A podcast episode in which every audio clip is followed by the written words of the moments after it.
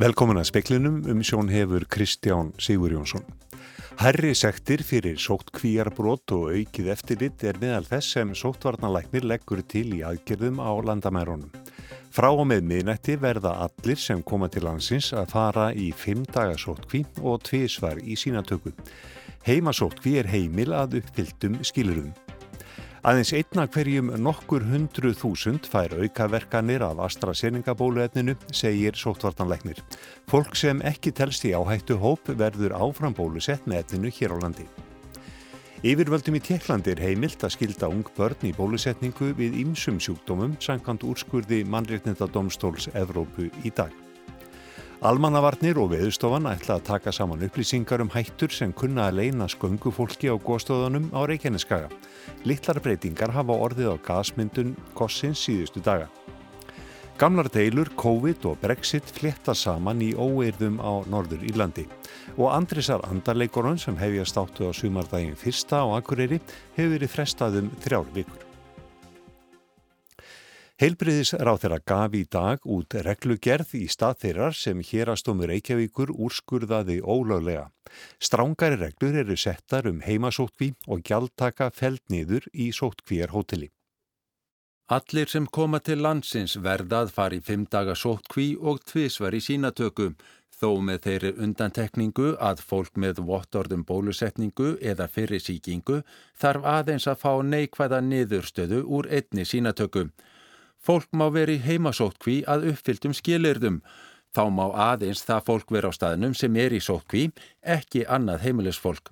Þau sem velja að fara á sótkvíjarhótel eða get ekki farið í heimasótkví þurfa ekki að greiða fyrir dvölina eins og áður stóð til.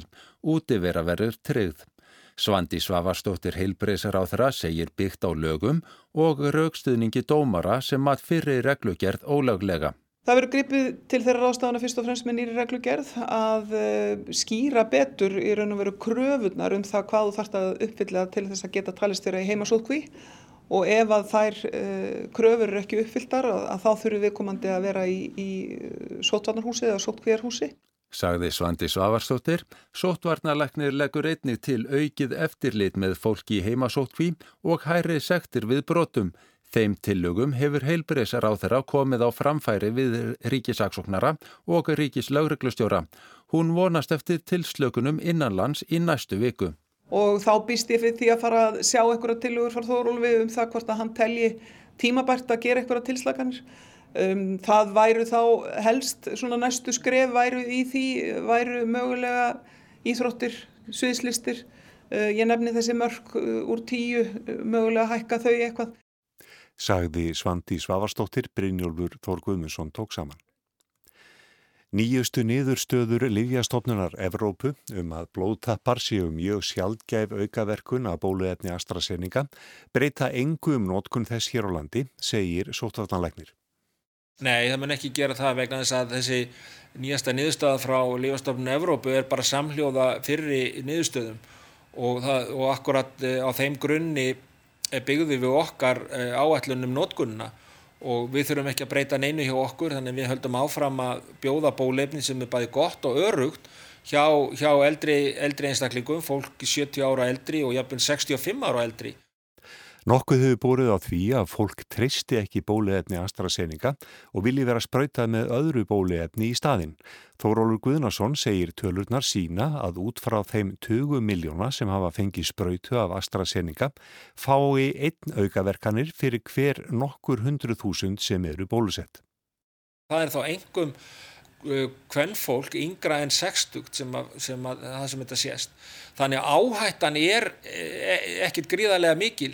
En við erum samt sem að reyna að bjóða bólefnið fólki sem að, og hópum sem að vera fram á að er ekki áhættu að fá þessar aukaverkanir sagði Þórólfur Guðnason. Heilbriði siðuvöld Evrópuríkja fylgja hvert sinni stefnu um nótkun á bóluefni AstraZeneca. Mörg einskorða nótkunna við eldra fólk en allur gangur er á hvar mörgin liggja. Að minnstakosti 16 Evrópuríki gerðu hlýja og nótkun bóluefni AstraZeneca um miðja mars þegar fregnir bárust af hugsanlegum tengslum millir bólusetningar með etninu og blóðtapamyndunar. Á meðal þeirra ríkja voru Ísland, Svíþjóð, Danmörk og Noregur. Eftir að Livjastofnun Evrópu og alþjóða heilbreyðismálastofnuninn kvöttu til þess að bólusetning keldi áfram hófur flest ríkin bólusetningu og ný í kringum 20. mars en mörg með takmarkunum. Livjastofnun Evrópu lísti því svo yfir í tilkynningu í gær að blóðtapar teldust mjög sjálfgæf aukaverkun bólusetningar með bóluetni AstraZeneca. Ávinningur á bólusetningu væri meiri en hættan á að fá blóðtappa. Skrá ætti blóðtappa sem sjálfgefa aukaverkun með bóluetninu. Almannavarnir og veðurstofan ætla að búa til kort og taka saman upplýsingar um hættur sem kunna að stæðja að fólki sem hyggst skoða eldgósið á Reykjaneskaga. Þetta kom fram á fundi vísindaráðs almannavarna í dag. Björn Nótsson er jarðeðlisfræðingur hjá almannavarnadeild Ríkislauglustjóra. Já, fyrst og fremst ræður náttúrulega atbyrði eh, frá síðasta fundi og það er náttúrulega helst eh, þessar nýju opnanir eh, norðaustan við eh, Geldingadali og, og síðan eh, hvort að þetta sé aukning við eh, rúmflæðið eða kveikuflæðið sem er að koma upp og síðan þær hættur sem að, sem að þessu fylgja og eh, veðarstofan hefur verið að vinna að eh, svona hættumatti fyrir svæði þar sem hefur verið að horfa eh, til aðgengi að því og, og, og öryggi fyrir fólk sem að fer þarna um og, og er að skoða og í, í framhaldið af því að, að þá ætlum við að, taka saman erunni kort og upplýsingar hérna, yfir þær hættur og koma framfæri. Saði Björn Oddsson. Snjóflóð fjalla á skíðasvæðinu í skálafelli rétt fyrir klukkan 2 í dag. Einn maður lendi í flóðinu en fannst fljótt heitla húfi. Mikið viðbrað var vegna snjóflóðsins. Björgunarsveitar menn og aðrir voru kallaðir út en útkallið var aftur kallað að stórum hluta þegar í ljós kom að maðurinn var komin úr snjóflóðinu. Þá þótti ljóst að betur hefði farið en í fyrstu var óttast. Bob Van Dúin, rekstrastjóri í skálafelli, segir að þarna hefði farið eins vel og framast var und. Maðurinn var að skrýða upp úr flóðinu þegar að var komið en hann var þar á ferð með öðrum manni sem kom honum til aðstúðar. Skíðasvæðin eru lokuð en starfsmenn eru á staðnum og vinna að viðhaldi og undirbúningi fyrir sumastarfið. Þeir voruð því á svæðinu þegar snjóflóðið fjall. Mannréttinda domstól Evrópu hvað upp þann úrskurði í dag að yfirvöldum í Tjekklandi væri heimilt að skilda ung börn í bólusetningu við ímsum sjúkdómum. Málið höfðuðu fjölskyldur sem voru sektaðar fyrir að neyta að mæta með börn sín til bólusetningar. Þar á meðal voru einning foreldrar barna sem hafði verið neytað um vist á leikskóla því þau voru ekki bólusett. Í úrskurðunum segir að þó að tjekneska ríkið hafi vissulega afskipti af engalífi fjölskyldnana með reglunum þá sé mikil þörf á að vernda hilsu almennings og því megi gera kröfu um bólusetningu. Þess má geta að málinn komu upp áður en COVID-faraldurinn braust út. Þetta var fyrsti úrskurður domstólsins um bólusetningar barna. 16 dómarar af 17 voru sammála tólkun tekniska ríkisins. Samkvæmt lögum þar í landi ber foreldrum skilda til að mæta með börn sín í bólusetningu við nokkrum sjúkdómum. Gerðar eru undantekningar ef barn getur ekki fengið bólusetningu af heilsufars ástæðum. Þó má ekki neyða fólk með börn í bólusetningu og ekki má neyta börnum um grunnskólagöngu ef þau eru ekki bólusett. Í einu málana sem mannartindadómstöldin úrskurðaði um í dag höfðu foreldrar neytað að láta bólusetja barn sitt við mislingum, hettusótt og rauðum hundum. Barnið byrjaði á leikskóla árið 2006 en misti plássið tveimur árum síðar eftir að læknir fjölskyldunar tilkynnti skólastjórnundum að barnið hefði ekki verið bólusett. Dómstóli í Tjekklandi komst að þeirri niðurstöðu að heimilt hefði verið að víkja barninu úr skólanum því vera þess þar gæti skapað hættu fyrir aðra. Andri Irkil Valsson sæði frá. Norð snjáldri af ætt svínkvala fannst rekinn döður í síðustu viku í svo kallari bót við bæin höfða 2 skamt sunna með Grenivíki eigafyrði. Reki Norð snjáldra telst til tíðinda því aðeins er vitað um 8 önnur tilvík hér við land síðan Hafranssonastofnun hóf skráningu kvalrega með skipilöðum hætti um 1980. Fyrsti staðfestifundurinn var árið 1992 við bæin Ós í Breydal og síðast árið 2018 þegar tarf rak á land í Höfðavík í Vesmanni. Norð snjáldrar halda sig mest fjarr í landi, djúft á hafi úti og er auk þess mjög styggir. Hrægið var urðað en beinagrindin verður hyrt síðar og rannsökuð. Framkvæmda nefnd Andrésar andarleikana sem haldnir eru árlega í hlýðarfjalli ofan akkurirar hefur ákveð að fresta þeim um þrjár vikur vegna faraldusins. Leikarnir áttu að hefjast á sumardaginn fyrsta en verða þess í stað haldnir helgina 13. til 15. mæ en forsenda þess er þó svo að skýðasvæði megi vera opinn og að sangkomu takmarkanir verði ringaðar. Jóhanna Jakobsdóttir, lektor í líftölfræði við Háskóla Íslands, segir að þrátt fyrir að mörglönd í Evrópu hafi grípið til hardra stóttvarnar aðgerða í COVID-faraldrinum og náð góðum tökum á honum, þá hafi stjórnvöld gert þau mistök að slaka og fljótt á. Þess vegna sé staðan eins og hún er í álfunni. Jóhanna er í hópi vísindamanna sem gert hafa spálíkanum þróun faraldusins nánast frá upphefið hans. Þetta er alveg eins og ég bjóst við. Ég bjóst alveg við því að allan tíman og við reyndum eins og við gátum að tala um það í vor að þetta væri fyrsta bylgjan en ekki eina bylgjan. Þannig að ég bjóst alveg við því að við myndum sagt, ná tökum á þessu og svo myndi eitthvað koma í bakið á okkur aftur af því að veiran er þannig að þú getur, þú ert einkennlaus í ykkur tíma, þú berðan með þér. Hefði eitthvað verið hægt að gera til að koma í veg fyrir aðra bylgjur?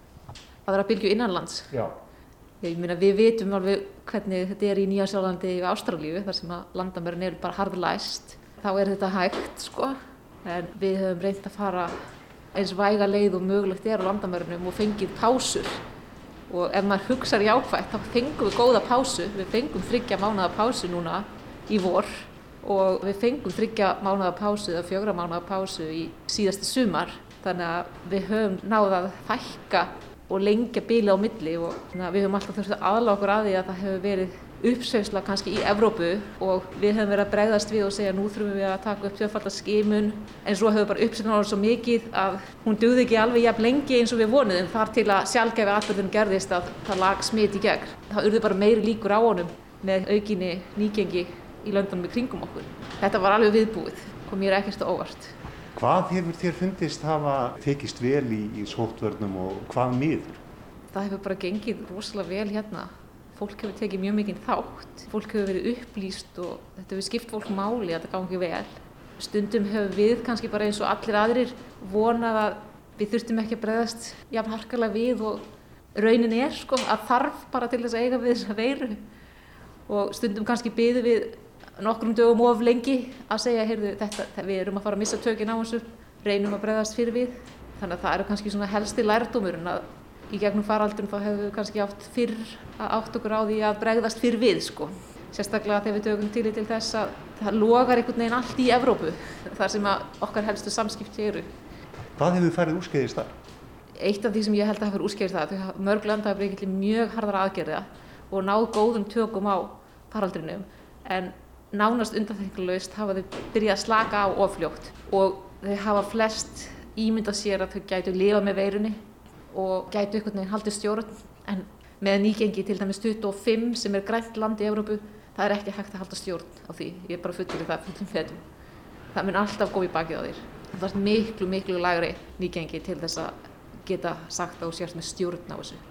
Nú gengur ímislegt á bara akkurat núna þessa dagana hér á landi er eitthvað úr fortíðinu sem við hefðum getað lært og gert betur núna? Ég held að við höfum brúðist við réttu núna. Við brúðist mjög hratt við. Það kemur kannski mörgum á óvart að við séum ennagreina smit utan sókvíjar en við erum núna að díla við sko annað afbreyði sem er orðið nokkuð samþygt að sé í alvörunni meira smitandi, raunverulega meira smitandi heldur en fyrir afbreyði. Þannig að við erum með nokkurn veginn sömu aðgerður og vorum með fyrir jól sem náðum dugðu til að hveða faraldurinn alveg í kútin. Þannig að það er ekkert óðurlegt að við náum því ekki alveg eins fljótt og við viljum af því að þetta er það sem við erum að eiga við. Finnst þér þólinnmæði fólks að einhvern nátt vera minna núna heldur um að? Núna get ég bara tjáðið um það sem ég sé á samfélagsmiðlum. Sko.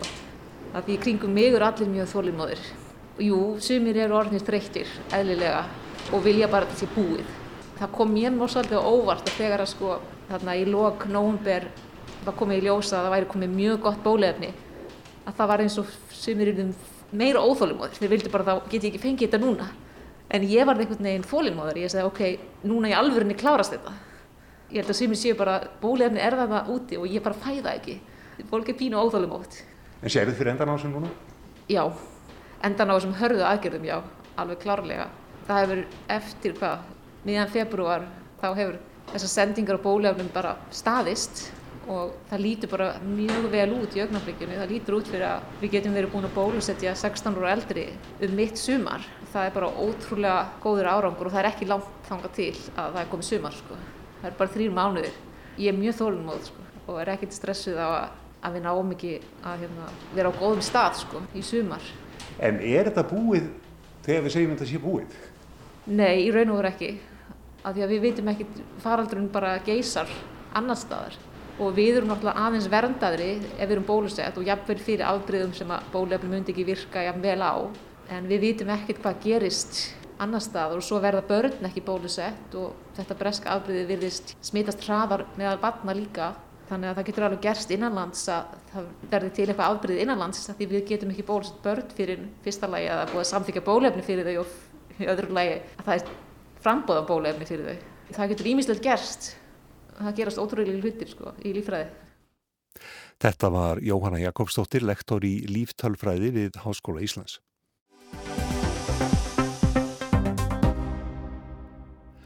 Óeirðir á Norður Írlandi eru aftur orðnar fréttaefni. Fleir en 50 lauruglumenn eru slasaðir eftir átök undan farnadaga og í gær voru átök þar sem hverfi samband sinna og líðveldi sinna mætast. Við aldalanga óeirðasögu bætist COVID við eða öllu heldur umdeild jarðarför byltingar sinna úr sinn fein í fyrrasumar og svo ekki síst Brexit eða svo laust sem Boris Jónsson, forsætisráþara, kaus varðandi Norður Írland.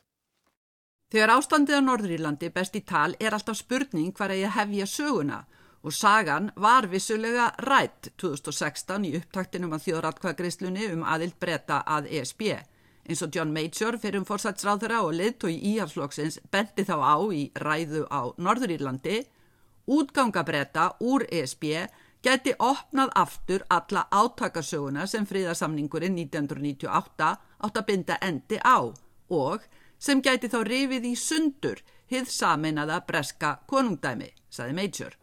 So that's the risk, that a British exit from the European Union could reopen the whole question and tear apart the United Kingdom. Tony Blair, fyrir um leðtói verkamannaflokksins, tók við sem forsætsráðara af Major 1997 og stóðarna við hlið forvera síns. Bóðskapur þeirra var, í kjölfar Brexit getur blossað upp aftur gömlu norður írsku átökin milli samband sinna sem kjósa óbreytt samband við Bretland og líðveldi sinna sem vilja saminast Írlandi. Og Brexit hefur vissulega breytt aðstæðum á Norður-Írlandi því Brexit-samningur Boris Johnsons, forsætsráðara breyta, við ESB felur í sér landamæri millir Norður-Írlands og Bretlandsæja. Brexit því áþrefalegt vandamál á Norður-Írlandi vekur urg og óróa í hópi sambandsina sem sjá þarna skorið á sambandið við Breitlandsæjar. Líðræðislegi sambandsflokkurinn DUP leiðir samsteipustjórn á Norðurílandi, flokkurinn stutti Brexit en ekki þessa útferðslu sem býr til landamæri í Írlandshafi.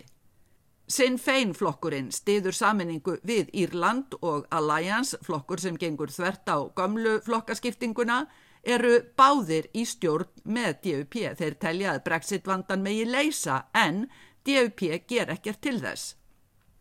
Lörglan á Norðrílandi hefur undanfarið verða vara við undirlikjandi urg sem bæði sjáist á samfélagsmiðlum og í veggjakróti. Já, þarna er veggjakrót en þá pólitískur miðill.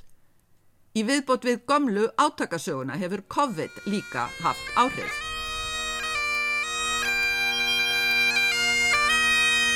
Sekkjapípuleikarar gengu með líkfylgd Bobby Storey þegar hann var borin til gravar í sumar að 2000 manns viðstöttum.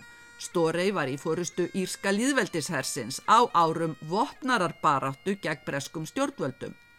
Samkoman fór fram undir Berilofti og Jerry Adams fyrir um leðtogi sinn fein hjælt ríflega hálftíma ræðu, bæði líkræða og pólitísk ræða, öðru kvoru rofin af lóaklappi viðstatra. Í lokin þakkar orð til hins látna og kvartningar orð til viðstatra. Aðgerðarsinnar skildur reyna að gera meira og fyrir aðra væri þetta dagurinn til að hefja aðgerðir. Thank you Bob and for the rest of us and for already activists it's time to be more active and if we're not activists this is the day that we should start. Þegar þessi 2000 vinni stóreis fylgdur undir grafar voru allar fjöldasamkomur bannaðar vegna COVID. Lauruglan gerði ekkert og frekari rannsókn hefur verið látið nýður falla. Sambandsinnar segja þetta til marksum að ein lög gildi fyrir líðræðisinna, önnur fyrir sambandsinna, gamalt þema í deilunum á Norðurílandi. Fríðarsamkomulæði frá 1998 er gerðnum kentu förstu daginn langa daginn sem það var undirritað og af sögulegum ástæðum hafa páskarnir ótturir átakatími og þá einnig í ár.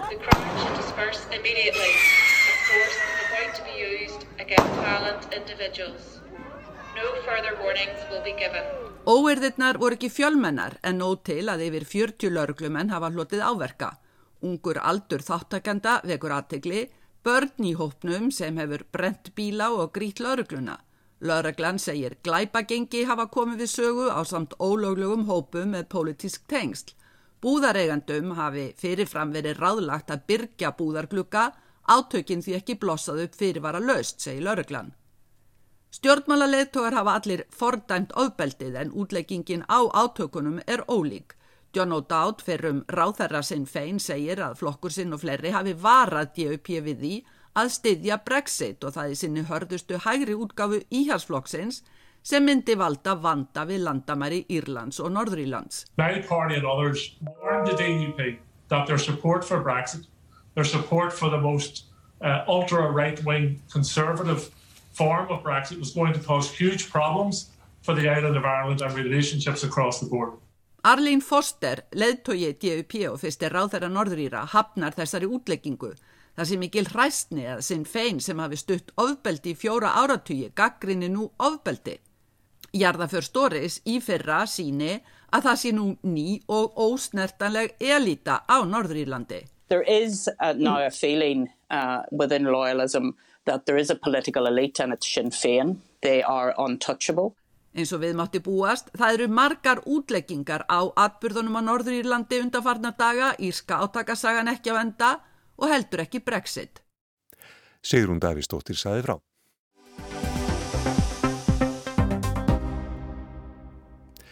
Vinnuvikan stittist um næstu mánaðamót hjá alltaf 9.000 ofinbjörnum starfsmönnum sem starfa hjá ríki og sveitafélögum. Í sömum tilfellum getur vinnuvikan stist úr 40 tímum í 32. Lang flestir sem eru í hlutastörfum ætla að halda áfram sínu vinnuframlægi og hækka um leið launin. Undanfarið hefur verið unni hörðum höndum við að skipulegja nýjan vinnutíma hjá öllum þessum fjölda. Ögut við stýttingu vinnuveikunar hjá daglaunafólki þar sem sami varum útvæslun á hverju vinnustad munu sömu reglur gilda fyrir allt vaktavinni fólk hjá hennu ofinbera. Bára Hildur Jóhannsdóttir er verkefnastjóri betri vinnutíma í vaktavinnu.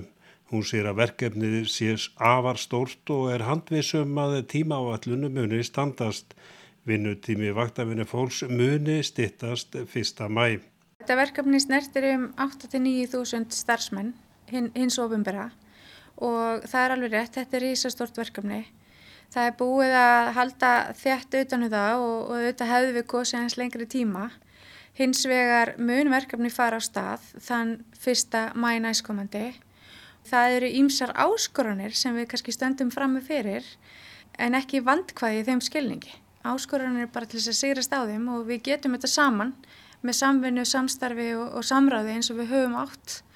Við höfum átt vikulega fundi með stjórnendum hjá ofinbæri launagreðendum, þar sem við förum yfir helstu málinn og við höldum alveg ótröð áfram og ætlum að ná í mark fyrsta mæ. Það þarf að taka á ymsum málum, til dæmis að vinna nýtt eh, skráningarkerfi eins og til dæmis vinnustund og upplýsa starfsmennum hvað er í vendum. Stór hlut eða 4500 manns starfa vöktum hjá ríkinum.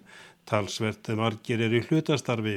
Starfslutvallið meðal hjúkunafræðinga er til dæmis um 80% af meðaltali, ljósmaður um 70% og sjúkralið um 78%. Forsendur fyrir breytingun er meðal annars þær að þeir sem eru hlutastarfi geta hækka starfslutvallið um það sem styttingunni nefnur. Sá sem er til dæmis í 80% starfi getur farið í 89%, vinnuframlægi verður það sama en launin hækka. Margir hafa ákveðið að fara þessa leið. E, af þeim sem eru í hlutastarfi að þá er það í kringum e, yfir 95% sem hyggst vinna sama vinnumagn og þeir hafa gert í dag en fá hæri laun í staðin. Og það er ástæðan kannski að við tölum um betri vinnutími vaktafinnu en ekki stittri vinnutími vaktafinnu því að það er líka markmið að gera vaktafinnu eftir svona verðari, mæta kröfum launafólk sem að 100% vaktafinna sé alltaf 80% viðvera fyrir erfiðstu vaktinnar og líka það að við ætlum að auka æfitekjur og, auka jafnbretti með þessu jafnbreytta vinnumarkaði með steytingu vinnuveiku.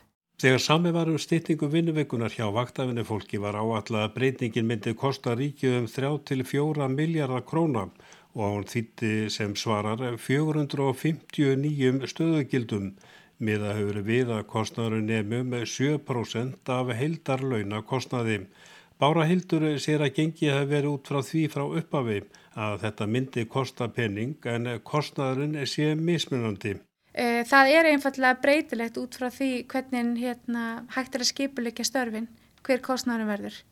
E, kostnaðurinn er, er svona í kringum, ef maður getur hérna, haft eitthvað, það, það er allt frá að vera 0, 0% kostnaður upp í að vera kannski 10-15% kostnaður. Við vitum hvaða hópar eru dýrastir.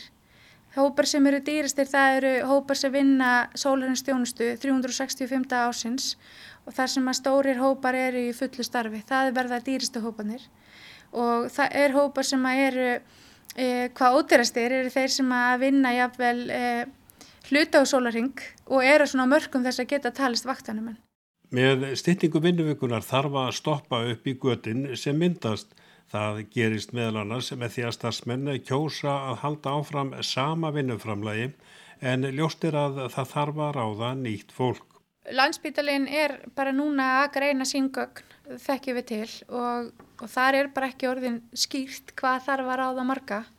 Það þarf að bara skoða það í hverju starfsemi. Það er ekki komin heild að mynda á hvað vantar mörg stöðugildi af nýræningum en það hefur þar hérna í heilbríðstjónustöðinu til dæmis margir, langt flestir er í hlutastörfum og þar dekkast mönnunagati svolítið að sjálfum sér með að fólki er að auka við sig vegna steitningarinnar og vægisins en e, þar sem að starfsfólki er í 100% störfum eins og til dæmis í laugjæslinni þar þarf að fara í nýráningar og, og þar er starfin til dæla þekkt, já. Vinnutími þeirra sem starfa á næturvöktum eh, getur stist í 32 stundur á vikum. Það skýrist af því að hver unnen klukkutími í næturvinnu regnast sem 72 mínútur og hjá þeim sem er á kvöld og helgaravöktum 63 mínútur. Þá er gett ráð fyrir svo kallum vakta kvata sem hefur áhrif á laun til hækkunar. Breytingarnar sem standa fyrir dyrum eru nokkuð floknar við fyrstu sín. Bára Hildur segir að markmiðið sé að vaktavinnan verði eftir sókna verðari. Eh, leiðaljós verkefnisins eru skýr, það er öryggi hilsa og jafnvægi vinnu engalifs. Eh, við í vaktavinninni tölum um betri vinnutími vaktavinu þar sem við erum sannlega að stýtta vinnutíma þeirra sem er í fullu starfi og vinna vaktavinu. Eh, það er líka verið að stýtta vinnutíma þeirra sem vinna floknustu vaktinnar og floknustu samsetningu vakta meir en annara. Og það byggir akkurat á öryggi helsu og jáfnvegi vinnu engalifs. Þannig að já, er, e, þetta eru flóknar breytingar en þegar fólk fer að máta sér inn í þar þá sjá langt flestir ljósið í þeim og þetta eru auðvitað þannig að það er bara hræðslega við svona stóra breytingar. Það er verið að, að, að hætta með eitt kerfi og taka upp annað og það er bara eðlert að því fylgja ákveðin ótti sagði Bára Hildur Jóhannsdóttir, Arnald Páll Haugsson talaði við hana. Það var allar helst hjá okkur í speklinum í kvöld að herri sektir fyrir sótkvíjarbrott og aukið eftirlit er meðal þess sem sótvarnalæknir leggur til í aðgerðum á landamærunum. Frá og með miðnætti verða allir sem koma til landsins að fara í fimmdaga sótkví og tvísfæri sínatöku. Heimasótkví er heimil að uppfylltum skilurðum. Aðeins einna hverjum nokkur hundru þúsund fær aukaverkanir af AstraZeneca bóluefninu, segir sótvarnalegnir. Fólk sem ekki telst í áhættu hóp verður áfram bólusett með efninu hér á landi. Og almannavarnir og veðustofan ætla að taka saman upplýsingar um hættur sem kunna að leina skungufólki á góðstöðunum á Reykjaneskaga. Littla breytingar hafa orðið á gasmyndun jarðeldana síðustu daga. Fleiri er ekki speklinum í kvöld, Jón Þór Helgason sendi út veriði sæl.